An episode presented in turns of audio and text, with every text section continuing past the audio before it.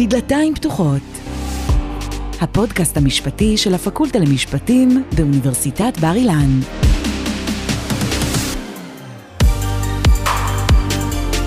שלום לכל המאזינות והמאזינים. ברוכים השומעים את הפודקאסט החדש של הסטודנטים בפקולטה למשפטים באוניברסיטת בר אילן, פודקאסט בדלתיים פתוחות. אני עמרי אנגלר, ואני רוצה להגיד שלום לחברי יונתן דיין. אהלן עמרי. היי יונתן. וביחד נעביר את הפרק היום. על ההפקה של הפרק הזה עבדנו ביחד גם עם רון בוסק, חברנו ללימודים. קודם כל יונתן, אני שמח שאנחנו סוף סוף יוצאים לדרך, אנחנו עובדים על הפרק הזה הרבה זמן. יותר קרוב להרבה מאוד זמן. האמת שכן, אה, והייתי רוצה לדבר על למה אנחנו כאן. המטרה של הפודקאסט שלנו היא להנגיש סוגיות משפטיות בשפה פשוטה לציבור הרחב. הפודקאסט הולך לכלול סדרת פרקים בנושאים שונים שיעסקו בסוגיות חברתיות ומשפטיות שרלוונטיות לכולם. במהלך הלימודים אנחנו נחשפים להמון ידע משפטי שמטבע הדברים נשאר בתוך עולם המשפט ולא ממש נגיש לכולם. לכן המטרה שלנו היא לחשוף ולהנגיש את הידע הזה. אז נתחיל יונתן? יאללה. הפרק הראשון יוצא לדרך ונעסוק בו בהגנה עצמית במשפט הפלילי. אנחנו נציג את סוגיית ההגנה העצמית דרך הפרשה שהסעירה את המדינה בסוף שנות האלפיים, פרשת שי דרומי. נזכיר בקצרה שמדובר בחקלאי שהועמד לדין לאחר שירה לעבר ארבעה פורצים שניסו להיכנס לבית שלו, אבל אנחנו נרחיב על זה בהמשך. הסיפור שלנו מתחיל בניו יורק של שנות ה-80. ב-22 לדצמבר 1984 נכנס לרכבת התחתית בניו יורק מהנדס חשמל בשם ברנרד גץ בדרכו לעוד יום עבודה. הוא התיישב לבדו בקרון. בסוגריים נגיד שבתקופה הזאת ניו יורק חווה מכת פשיעה קשה במיוחד. המצב בניו יורק היה כל כך קשה שאפילו כינו אותה בירת המוות של אמריקה. בכל כמה ימים התפרסמו סיפורים על מעשי פשיעה מחרידים שהתרחשו ברכבת התחתית, והמשטרה לא הצליחה לתת מענה אמיתי למצב הזה. נחזור למהנדס שלנו ברנרד גץ. במהלך הנסיעה ברכבת התיישבו מולו ארבעה צעירים בשנות ה-20 לחייהם. שלאורך הנסיעה גץ שם לב שהם מביטים בו באופן מאוד מוזר מהצד השני של הקרון. פתאום, אחד מהצעירים סימן לאחרים עם הראש, והם קמו לעבר מקומו של גץ והקיפו אותו. הצעיר שבהם ניגש לגץ עם מברג ביד שלו, ודרש ממנו לתת לו חמישה דולרים. זהו, כל הסיפור הזה בשביל סכום כזה קטן? אז זהו, שבשביל גץ זה לא היה רק חמישה דולרים. גץ נשדד ארבע שנים לפני כן, ובמהלך השוד שברו לו את הרגל, והוא נשאר צולע לכל החיים. באותו הרגע הוא נשבע שמקרה כזה לא יחזור על עצמו. אחרי שהצעיר חזר שוב על דרישתו, גץ השיב לו, יש לי חמישה דולרים לכל אחד מכם. ותוך כדי שהוא מדבר, הוא הכניס את היד אל מתחת למעיל, ושלף את אקדח הסמיתן ווסון שלו, וירה בהם עד שהוא רוקן את המחסנית. הוא פצע קשה את הארבעה. שמע יונתן, האמת שאני מזדהה עם גץ. אני לא יודע אם הייתי פועל כמוהו, אבל אפשר להבין אותו. אני רוצה לשאול אתכם המאזינים, לדעתכם המעשה של גץ מוצדק? הרי איך הוא יכול להתגונן מפני ארבעה צעירים כשהוא ככה לבד בקרון, אין אף שוטר בסביבה שיכול להגן עליו, ואם הוא לא היה פועל, הם היו גם יכולים לפגוע בו בקלות. אתה לא חושב שהוא צריך להגן על עצמו גם אם מדובר רק בחמישה דולרים שזה לכאורה משהו קטן? כן, אבל קודם כל עמרי, זה לא ברור בכלל שהם רצו לפגוע בו. זה לא בסדר, אבל הם רצו ממנו קצת כסף. יכול להיות שאם הוא היה נותן להם את הכסף, והם היו בכלל עוזבים אותו.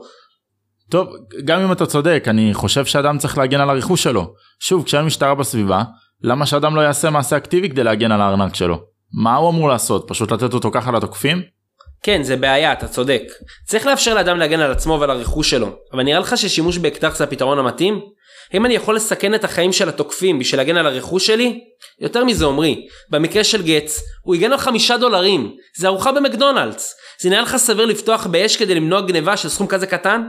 השאלה שלך היא בדיוק מה שעורר ויכוחים סוערים בארצות הברית. אחד הנושאים המרכזיים שדיברו עליו היה עד כמה אזרח שנמצא בסכנה יכול להגן על עצמו. אפשר לפגוע בגוף של התוקף, לסכן את החיים שלו, ורק כדי להגן על הרכוש של הנתקף? לסיכום, נגיד שהירי של גץ ברכבת הפך לסמל התסכול מהפשיעה שרווחה בניו יורק באותה תקופה, ודעות הציבור היו חלוקות לגביו. כחצי יובל לאחר מכן התרחשה בישראל פרשת שי דרומי, שגם היא עוררה ויכוח בעניין הגבולות הראויים של הזכות להגנה עצמית. אבל מה שיותר מעניין במקרה של דרומי זה שהסערה הציבורית הביאה לשינוי החוק הפלילי בישראל.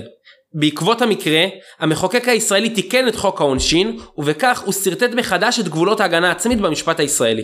אבל רגע, לפני המקרה של דרומי, מה נסגר בסוף עם גץ? אז זהו, ברנרד גץ הועמד למשפט, והואשם בניסיון לרצח, אבל במסגרת ההליך הפלילי הוא טען שפעל בהגנה עצמית. נו בדיוק, הוא התגונן כי הכסף שלו היה בסכנה, זאת הגנה עצמית. כן, גץ באמת זוכה מאישום הניסיון לרצח בגלל הטענה שלו להגנה עצמית. אבל חשוב להדגיש שהוא זוכה מכיוון שבית המשפט קבע שהחיים שלו היו בסכנה, לא רק הרכוש שלו. אבל מהי בדיוק הגנה עצמית במשפט הפלילי הישראלי? המושג הגנה עצמית מוכר לכולנו, בעיקר מסדרות טלוויזיה, אבל מהי המשמעות המשפטית של ההגנה העצמית? ויותר חשוב מזה, מהם גבולות ההגנה העצמית? אלה שאלות לא פשוטות יונתן. אולי כדי לנסות לענות על השאלות האלה, ננסה להסביר בקצרה איך בנויים דיני העונשין בישראל. חוק העונשין מגדיר התנהגויות אסורות שמי שעובר עליהן ייענש על המעשים האלה. אלה מכונות בשפה המשפטית עבירות. לדוגמה, האיסור בחוק העונשין לגנוב, לתקוף ולהרוג הופך התנהגויות כאלה לעבירות. אז זהו, מי שביצע התנהגות אסורה פשוט שולחים אותו לכלא? לא בדיוק. יש מקרים שבהם אדם לא ייענש על העבירה שביצע כי הוא זכאי להגנה.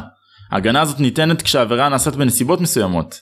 הגנה עצמית היא הדוגמה הקלאסית כדי להסביר את זה.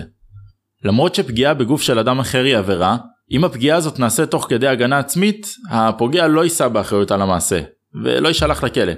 לכולנו ברור שהגנה עצמית היא הגיונית, אבל איפה עוברים הגבולות שלה?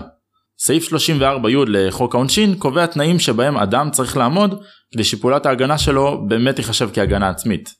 אוקיי, אז התנאים שקבועים בחוק הם הגבולות של ההגנה העצמית? כן, החוק קובע מספר תנאים שאם תעמוד בהם, הפעולה שלך תוכר כהגנה עצמית. אני אסביר אותם ממש בקצרה. התנאי הראשון הוא שחייבת להיות סכנה מוחשית ולא סתם סכנה. הסכנה המוחשית הזאת צריכה לאיים על החיים של הנתקף, על החירות שלו, על הגוף שלו, ושימו לב, אפילו גם על הרכוש שלו. אה, זה כמו במקרה של גץ, שהחיים והרכוש לא היו בסכנה. בדיוק. התנאי השני הוא דרישת הנחיצות. פעולת ההגנה חייבת להיות הכרחית. זה נשמע לי טיפה כללי, איך אני יכול לדעת איזה פעולה היא הכרחית? גם בית המשפט נתקל בשאלה שלך יונתן, ובמטרה לענות עליה, הוא קבע שמדרישת הנחיצות נגזרים שני עקרונות שעוזרים להבין מה הכרחי ומה לא. העיקרון הראשון הוא עקרון המיידיות, שאומר שההגנה העצמית חייבת להיות מיידית. כלומר, חייבת לקרות ישר אחרי התקיפה. הגנה עצמית שקרתה לדוגמה חצי שעה אחרי התקיפה לא תיחשב כמיידית ולכן פשוט לא תהיה הגנה עצמית כי היא לא נחוצה. העיקרון השני הוא חובת הנסיגה, שאומר שהנתקף חייב להימלט מהתוקף כדי להימנע מעימות פיזי איתו, כמובן כל עוד הוא יכול. אם הנתקף בחר שלא להימלט, פעולת ההגנה שלו לא עומדת בדרישת הנחיצות ולכן הוא פשוט לא יזכה להגנה עצמית. אז רגע, אם הבנתי נכון, מדרישת הנחיצות נגזרים שני עקרונות. הראשון הוא מיידיות, זה אומר שההגנה חייבת להיות ממש בסמוך לתקיפה, והשני זה חובת הנסיגה שמחייבת את הנתקף לברוח כל עוד הוא יכול? בדיוק, הבנת לגמרי. התנאי השלישי והאחרון הוא עקרון הסבירות, שאומר שהמתגונן חייב לפעול בצורה סבירה למול הסכנה שנוצרה לו, כלומר מילת המפתח כאן היא פרופורציה מלאה בין פעולת התקיפה לפעולת ההגנה. וואי עמרי כמה משפטפטת. כן, כן, אני מבין, זה, זה באמת קצת מורכב, אבל אני אתן דוגמה שתמחיש את התנאים בצורה ברורה יותר. בחודשי הקיץ של שנת 1920 בגרמניה, כמה נערים שובבים השתעממו והחליטו לפרוץ לפרדס של חקלאי מבוגר במטרה לקחת לו כמה תפוחים. בעל הפרדס הבחין בהם, קוטפים תפוחים מהשטח שלו, שלף אקדח, וירה לכיוון המספר יריות ופצע אחד מהם באורח קשה. אז בסיפור הזה גנבת התפוחים יצרה סכנה מוחשית לבעל הפרדס שהרכוש שלו נגנב לנגד עיניו. בנוסף גם התקיים עקרון המיידיות. בעל הפרדס היה אדם מבוגר ואיטי מהנערים, ובאותו רגע לא הייתה לו ברירה אחרת חוץ מלירות לעבר הנערים כדי להציל את התפוחים שלו מגניבה. מצד שני, דרישת הסבירות לא מתקיימת כי אין פה פרופורציה בין גנבת מספר תפוחים קטן לבין נטילת חיי אדם. או במילים אחרות, בעל הפרדס פשוט הגזים. אז עכשיו, אחרי שאנחנו קצת יותר מבינים מה זה הגנה עצמית, אני רוצה לקחת אתכם לסיפור המרכזי של הפרק שלנו, ואני מדבר כמובן על פרשת שי דרומי. הסיפור מתרחש במהלך שנות האלפיים, ובאותה תקופה חקלאים רבים בנגב ובצפון חווים מכת גנבות קשה. אלפי תיקי פשיעה חקלאית נפתחים באותם שנים, ורק מעטים מהם הסתיימו בהרשעה. החקלאים מתמודדים עם תחושה מתמדת שהרכוש שלהם, ולפעמים גם החיים שלהם נמצאים בסכנה. אחד מהחקלאים האלה היה שי דרומי, שחי במה שמכונה חוות בודדים. זוהי צורת התיישבות שקצת פחות מוכרת, ונמצאת בעיקר בנגב, והיא בדרך כלל מורכבת ממשפחה שחיה לבדה, ורחוקה יחסית מיישובים מרכזיים. עיקר העיסוק של דרומי הוא ראיית צאן וגידול בקר. חשוב להגיד שבשביל דרומי טיפוח המשק זה לא רק פרנסה, אלא המהות ואורח החיים שעבורם הוא מנהל שגרת חיים כזאת מאתגרת. שמע, אני חייב להגיד לך שעד עכשיו זה נשמע כמו איזה סיפור של בית קטן בערבה. אז זהו, שזה לא כזה פסטורלי עומרי. את המשק של דרומי מקיפות כנופיות פשע רבות, ובמהלך השנים הוא סבל מגנבות בקר ופריצות רבות לחווה שלו. ותגיד לי, איפה כל המשטרה בסיפור הזה? היא לא עושה כלום? זה עצוב, אבל זה היה המצב. דרומי הגיש 13 תלונות במשטרה על הצתה, גנבת בקר, נזק לרכוש, והמשטרה סגרה את כל התלונות. אבל הכל השתנה בלילה אחד. בשעה שלוש לפנות בוקר, בחודשי החורף הקרים של שנת 2007, דרומי התעורר משנתו שהוא שומע קולות נביחה חזקים מכיוון שער החווה. הוא לקח את הפנס ואת רובי הקרבין שלו, ויצא לעבר שטח החווה הפתוח. דרומי התקדם בזהירות לעבר קולות הנביחה, כשלפתע הוא הבחין בכלב השמירה שלו, הולך לעברו באיטיות ונופל. דרומי הבין מיד שהכלב הורעל, וחשד ששוב יש פורצים באזור. דרומי החל לסרוק בזריזות את הגדר שהקיפה את החווה, וכשהגיע לשער המרכזי, הוא זיהה מספריים מברזל מונחים על המנעול, מה שאישר את החשד שלו ששוב פרצו לחווה. הוא החליט להסתתר מאחורי טרקטור שחנה ליד השער, והמתין. מהר מאוד שמע דרומי רעש חזק של ניפוץ מנעול, וזינק לעבר השער שהנשק שלו מורם. הוא הבחין בארבע דמויות, כולן רעולות פנים, וצעק לעברם כדי להבריח אותם. לפתע, הבחין שאחד מהם מחזיק ביד שלו במספרי ברזל נוספים, מה שגרם לו להרגיש שהוא בסכנה. דרומי דרך את הנשק שלו וניסה לירות, אבל הוא נתקל במעצור טכני. הוא התכופף כדי לטפל במעצור, וכשהצליח לשחרר אותו נפלטה ירייה לקרקע. דרומי התרומם והרגיש שחבורת הפורצים מתקרבת לעברו, ואז הוא ירה לעברם שש יריות שפגעו בשניים מהפורצים. כשכוחות המשטרה הגיעו לחווה, הם מצאו את דרומי מנשים את אחד הפורצים שנורו, אבל זה כבר היה מאוחר מדי. אחד מהפורצים נהרג והשני נפצע. לאחר האירוע דרומי נעצר והוגש נגדו כתב אישום בבית המשפט המחוזי בבאר שבע. בעקבות הגשת כתב האישום הוקמה תנועת מחאה שכינתה את עצמה כולנו שי דרומי. נתלו שלטים ונערכו הפגנות תחת הסיסמה חקלאים לא מפקירים. הורגשה תחושת תסכול קשה בארץ שדרומי, חוואי בודד, שמסמל את ארץ ישראל הישנה והטובה, נאלץ להגן בעצמו על חייו ועל רכושו בגלל חוסר התפקוד של המשטרה, ובסוף הוא גם הולך להיות מורשע על ידי המדינה, שמלכתחילה הייתה צריכה להיות שם בשבילו. למחאה גם הצטרפו אנשי ציבור וחברי כנסת, שהמפורסם שבהם היה חבר הכנסת יצחק אהרונוביץ', שהיה באותו זמן ממובילי התומכים בזיכויו של דרומי בכנסת. בהפגנת התמיכה בדרומי, אהרונוביץ' נאם, ואני מצטט, אני איש של שלטון החוק ומרגיש כחקלאי. באתי לעודד את החקלאים, לחזקם ולומר שהם לא לבד. מקרה דומה לזה של שי דרומי יכול לקרות מחר בבוקר. צריך לאפשר לחקלאים שיקול דעת כדי לפתוח באש. שמע עמרי, אנחנו כבר יותר מעשור אחרי הפרשה הזאת, והיא עדיין מעוררת שאלות קשות עד היום. אבל מה לדעתך יותר חשוב, החיים של האדם או הרכוש שלו? ברור שחיים של אדם יותר חשובים מרכוש. קדושת החיים היא אחד הערכים הבסיסיים ולא רק במשפט, אלא גם באינטואיציה של כולנו. אבל במקרה של דרומי לדוגמה, השאלה היא קצת יותר מורכבת. מצד אחד עומדים החיים של התוקפים, שהם אלה שגרמו לסיטואציה לקרות, ומצד שני עומד הרכוש של הנתקף שנקלע לסיטואציה נגד רצונו. אז מה גובר על מה? וואו, זו שאלה קשה. אני גם לא בטוח שיש לזה תשובה חד משמעית. אבל בוא נראה איך החוק החדש מתמודד עם הקושי הזה. לאורך השנים בתי המשפט בישראל החמירו מאוד ביחס שלהם כלפי מי שהגן על עצמו, והשופטים פירשו באופן מאוד נוקשה ומצמצם את ההגנה העצמית, ככה שמעט מאוד מקרים הוכרו כהגנה עצמית. אני רוצה להזכיר בנקודה הזאת, שאם לא מכירים בתקיפה כהגנה עצמית, מדובר בעבירה לכל דבר. יש לי מקרה שמדגים את זה מעולה. יאללה, ספר. האמת שזה סיפור מטורף. בשנת 2004 אבי קליינר והרצל טאוסי עבדו יחד כנהגי מונית בחולון. ובוא נגיד, הם לא היו החברים הכי טובים. היחסים בין השניים התערערו עוד יותר כשטאוסי התחיל לחשוד שקליינר מנהל רומן עם אשתו. קליינר ניסה לשכנע אותו שלא קורה שום דבר בינו לבין אשתו, וכדי להוכיח את זה הוא אפילו עבר בדיקת פוליגרף. טאוסי לא השתכנע ועדיין היה בטוח שקליינר ואשתו מנהלים רומן מאחורי הגב שלו. קליינר היה מתוסכל מכל הסיפור הזה והחליט לנסוע לטאוסי כדי לנסות לשכנע אותו שלא מנהל רומן עם אשתו.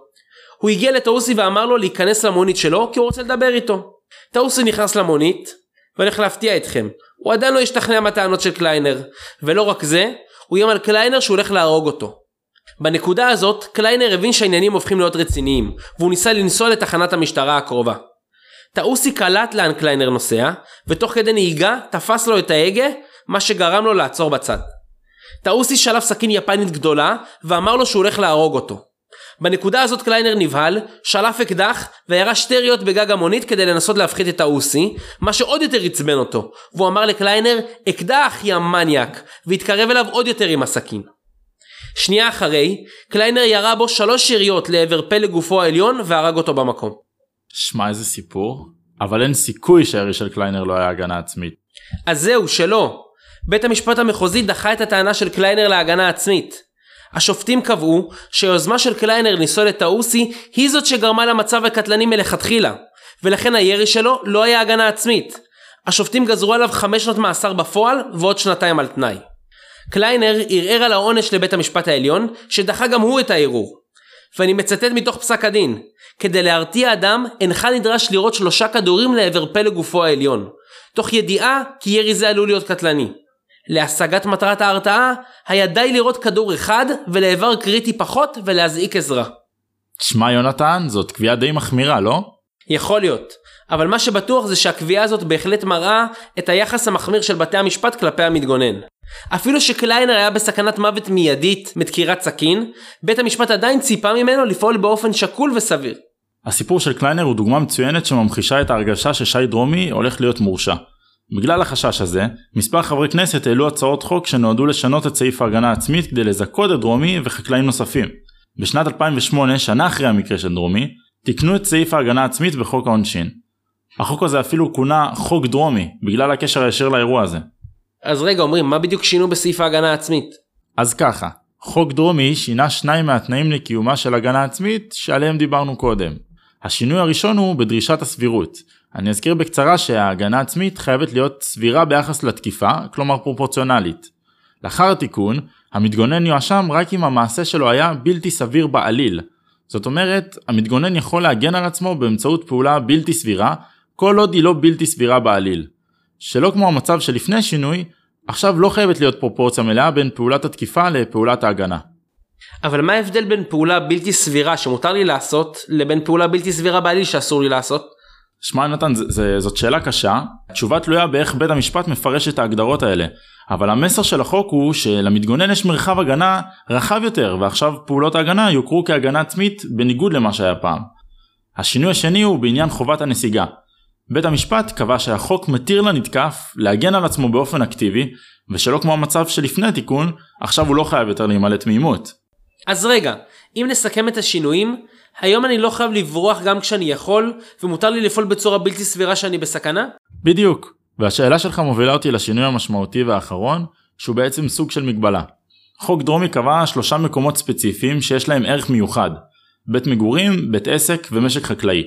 רק במקומות האלה בית המשפט יכיר בהגנה העצמית המורחבת שעליה דיברתי עכשיו. רק בשלושת המקומות האלה בלבד, המתגונן לא חייב לסגת, ורק בהם הוא יוכל להפעיל כוח לא פרופורציונלי כדי להגן על עצמו, כלומר בצורה בלתי סבירה. חשוב לציין שהחוק החדש רלוונטי גם כאשר רק הרכוש שלי נמצא בסכנה, ולא רק החיים שלי. אז רגע, נניח שיש סיטואציה של שני אנשים שונים שרוצים לגנוב מהם את הארנק. האחד מותקף בבית שלו והשני מותקף ברחוב. אז לפי החידוש בחוק, המתגונן שנמצא בבית שלו ייהנה מהגנה עצמית יותר רחבה מאשר זה שנתקף ברחוב? נכון, זו דוגמה מעולה. אחרי התיקון, מקום התקיפה מקבל משקל משפטי. המשמעות היא שדין שונה יכול לחול על שני מותקפים, אפילו אם הם יתגוננו באופן זהה לחלוטין. בעוד שהנתקף בבית לא חייב לסגת ורשאי להפעיל כוח בלתי מידתי, הנתקף ברחוב חייב תחילה לסגת, ואם הוא לא יכול לעשות את זה, הוא יכול להגן על עצמו רק באופן סביר ומידתי. אז אחרי שהבנו מה חוק דרומי בדיוק אומר, בוא נראה אם הוא באמת עזר בסוף לדרומי. כשנתיים לאחר הפרשה, בית המשפט המחוזי זיכה אותו בהרכב של שלושה שופטים. שניים מהם קבעו שדרומי זכאי, והשלישי הרשיע אותו. מה שמעניין לראות זה שגם שני השופטים שזיכו את דרומי לא הסכימו אחד עם השנייה על הסיבה שבגללה הוא זכאי. השופטת ברקאי קבעה שדרומי זכאי, אבל אמרה שאם לא היו מחוקקים את החוק החדש, לא בטוח שהייתה מזכה אותו. השופטת קבעה שדרומי פעל באופן בלתי סביר. במילים אחרות, התגובה שלו הייתה לא פרופורציונלית, אבל הוא לא פעל באופן בלתי סביר בעליל כשהגן על עצמו ועל הרכוש שלו. השופט פלפל הסכים עם השופטת ברקאי על זה שדרומי זכאי, אבל רמז שהיה אפשר לזכות אותו בדרך אחרת, גם אם החוק החדש לא היה מחוקק. בניגוד לדעתם של השופטים ברקאי ופלפל, השופט ואגו דווקא הרשיע את דרומי, וכתב בפסק הדין. מעשיו של דרומי בשלב הירי אינם נהנים מהגנת התיקון לחוק העונשין המכונה על שמו, חוק דרומי, מהטעם שהיו בלתי סבירים בעליל בנסיבות העניין. אז רגע, השופט ואגו מכיר בזה שהחוק תוקן בשביל לזכות את דרומי והוא עדיין הרשיע אותו? כן, השופט ואגו קבע שהירי לא היה דרוש באופן מיידי לשם הגנה עצמית. כי הפורצים ברחו בזמן שדרומי ירה, ולכן זה לא היה נחוץ. בנוסף, הוא קבע שפעולת הירי של דרומי הייתה בלתי סבירה בעליל. אני לא מבין יונתן, איך זה יכול להיות שהשופטים יודעים שמטרת החוק היא לזכות את דרומי, ולמרות זאת חלק זיכו אותו וחלק לא? מהפסיקות של השופטים אנחנו רואים שהביטוי בלתי סביר בעליל, שכל מטרתו הייתה לזכות את דרומי, נתון לפרשנות והוא לא חד משמעי. אמנם הכנסת מחוקקת את החוקים, אבל מי שמפרש אותם הוא בית המשפט. ולכן גם אם כוונת המחוקק הייתה לזכות את דרומי, השופט יכול לפרש את החוק באופן אחר ממה שהמחוקק התכוון. כמובן רק אם הנסיבות מחייבות את זה. זה מה שמסביר את השוני בין הפסיקות של השופטים במקרה של דרומי. הם היו חלוקים בשאלה האם הנסיבות במקרה של דרומי מהוות מעשה בלתי סביר או בלתי סביר בעליל. זה בדיוק העניין של פרשנות. בקיצור, בתי המשפט בישראל לא מחויבים לממש את כוונת המחוקק בכל מצב, עד כמה שזה נשמע אולי מוזר. האמת שזה אחלה נושא לעשות עליו פרק. לגמרי. עד עכשיו דיברנו על השינויים שהתרחשו בעקבות חוק דרומי, ואיך הוא השפיע על הפרשה עצמה. אבל חשוב להגיד שבעקבות החוק התעוררו לא מעט ביקורות על ההיבט המוסרי שלו. אז באמת אחד הדברים המרכזיים שקשים לי במצב שהחוק החדש יצר, זה שבסיטואציות מסוימות הוא נותן עדיפות לרכוש על פני חיי אדם. אני אסביר. יש בעייתיות במסר שעולה מהחוק, עצם זה שהוא מפריד בין בית מגורים, בית עסק ומשק חקלאי משאר המקומות. נגיד שאתה נוסע ברכבת ופתאום נקלעת לסיטואציה שמישהו מאיים על החיים שלך, ואתה מרגיש שאתה בסכנה מוחשית. זה נשמע לי קצת מוכר. כן, אבל בלי קשר לגץ. המצב המשפטי אחרי התיקון יצר מצב שבו אדם שנוסע ברכבת יוכל להגן על החיים שלו אך ורק באמצעים מוגבלים וסבירים, בעוד שבעל בית עסק לדוגמה יוכל להגן על הרכוש שלו מגניבה גם באמצעים שהם חורגים מהסביר, כל עוד הם לא בלתי סבירים בעליל כמובן. בעיניי זה אבסורד שיכולות להיות סיטואציות שבהן אפשר להגן על הרכוש יותר מאשר על חיי אדם. אני מבין את הביקורת שלך עמרי, אבל אני לא לגמרי מסכים איתך. ברור שכעיקרון חיי אדם עדיפים על רכוש. אבל לדעתי יש מקום אחד שבו לרכוש יש ערך מיוחד. וכן, לפעמים גם יותר מחיים. והמקום הזה זה הבית שלי. מה כל כך מיוחד בבית שדווקא בו יש לרכוש עדיפות על חיי אדם? ואם אתה כבר נותן עדיפות לרכוש במקום מסוים, למה שיהיה הבדל בין בית לבית עסק ומשק חקלאי? לדעתי עמרי יש הבדל עצום בין הבית לבין בית עסק או משק חקלאי. כי הבית הוא הרבה יותר מרק רכוש. לא סתם יש את המשפט הידוע, ביתו של אדם הוא מבצרו. הבית הוא ממש חוב המבטחים של כל אחד מאיתנו. וכשפורצים לי הביתה והרכוש שלי בסכנה, אני מאפשר הגנה רחבה לא בגלל שיש חשיבות מיוחדת לרכוש, אלא בגלל החשיבות שאני נותן לתחושת הביטחון בבית. גם באקדמיה התפיסה היא שהגנה על הבית לא נחשבת כהגנה על רכוש, אלא הגנה על הביטחון האישי של האדם. וזאת הסיבה שלדעתי, רק בבית מגורים צריך לאפשר לאדם הגנה עצמית רחבה יותר. אתה לא חושב שיכול להיות שיש אנשים מסוימים שהעסק או המשק שלהם יהיה משמעותי בדיוק כמו הבית, אם לא יותר? שמע, יכולות להיות דוגמאות כאלה שבית עסק או המשק יהיה יותר משמעותי לבעלים שלו מאשר הבית. אבל אני חושב שעבור רוב בעלי העסקים הפגיעה בעסק היא לא כמו פגיעה בבית.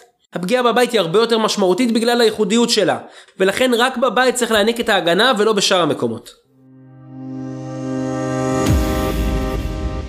המקרה של דרומי הוא באמת נקודת מפנה בנושא ההגנה העצמית במשפט הפלילי. חוק דרומי שינה את האיזון שהיה קיים, ובמקרים מסוימים נתן עדיפות לרכוש על פני חיים.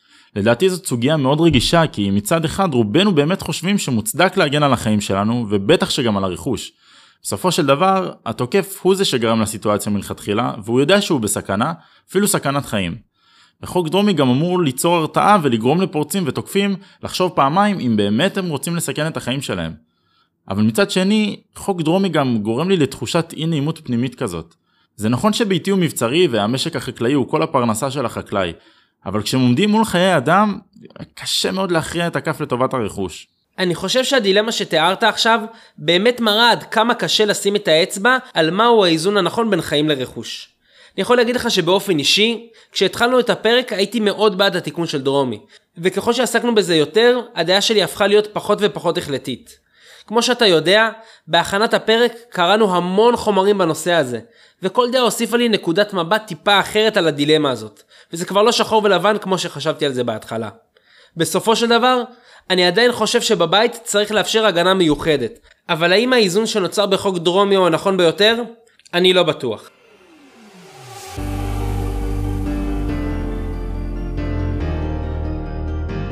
בדלתיים פתוחות הפודקאסט המשפטי של הפקולטה למשפטים באוניברסיטת בר אילן. תודה שהאזנתם לפרק הראשון של בדלתיים פתוחות. אני הייתי יונתן דיין. אני עמרי אנגלר. ואנחנו רוצים להודות לפקולטה למשפטים באוניברסיטת בר אילן על העזרה והתמיכה. אנחנו רוצים גם להגיד תודה מיוחדת לפרופסור יעקב נוסים על הליווי וההכוונה לאורך כל הפרק, בלעדיו הפרויקט הזה לא היה קורה. תודה נוספת לפרופסור הדר דנציג רוזנברג על הייעוץ בכתיבת התוכן. וכמובן לחברנו רון בוסק שיצר איתנו ביחד את הפרק ועבד איתנו לילות כימים כדי שהפרק הזה ייצא. תודה גדולה גם לאורי טולדנו מחברת שם הפודקאסטים ויצירות סאונד על העזרה הסופר מקצועית. אתם מוזמנים לעקוב אחרינו בדף הפייסבוק שלנו שנקרא בדלתיים פתוחות הפודקאסט המשפטי. אם נהניתם אתם מוזמנים ומוזמנות להפיץ בקבוצות הוואטסאפ ולהמליץ לחבריכם. אנחנו בדלתיים פתוחות, הפודקאסט של הפקולטה למשפטים באוניברסיטת בר אילן, נשתמע בפרקים הבאים.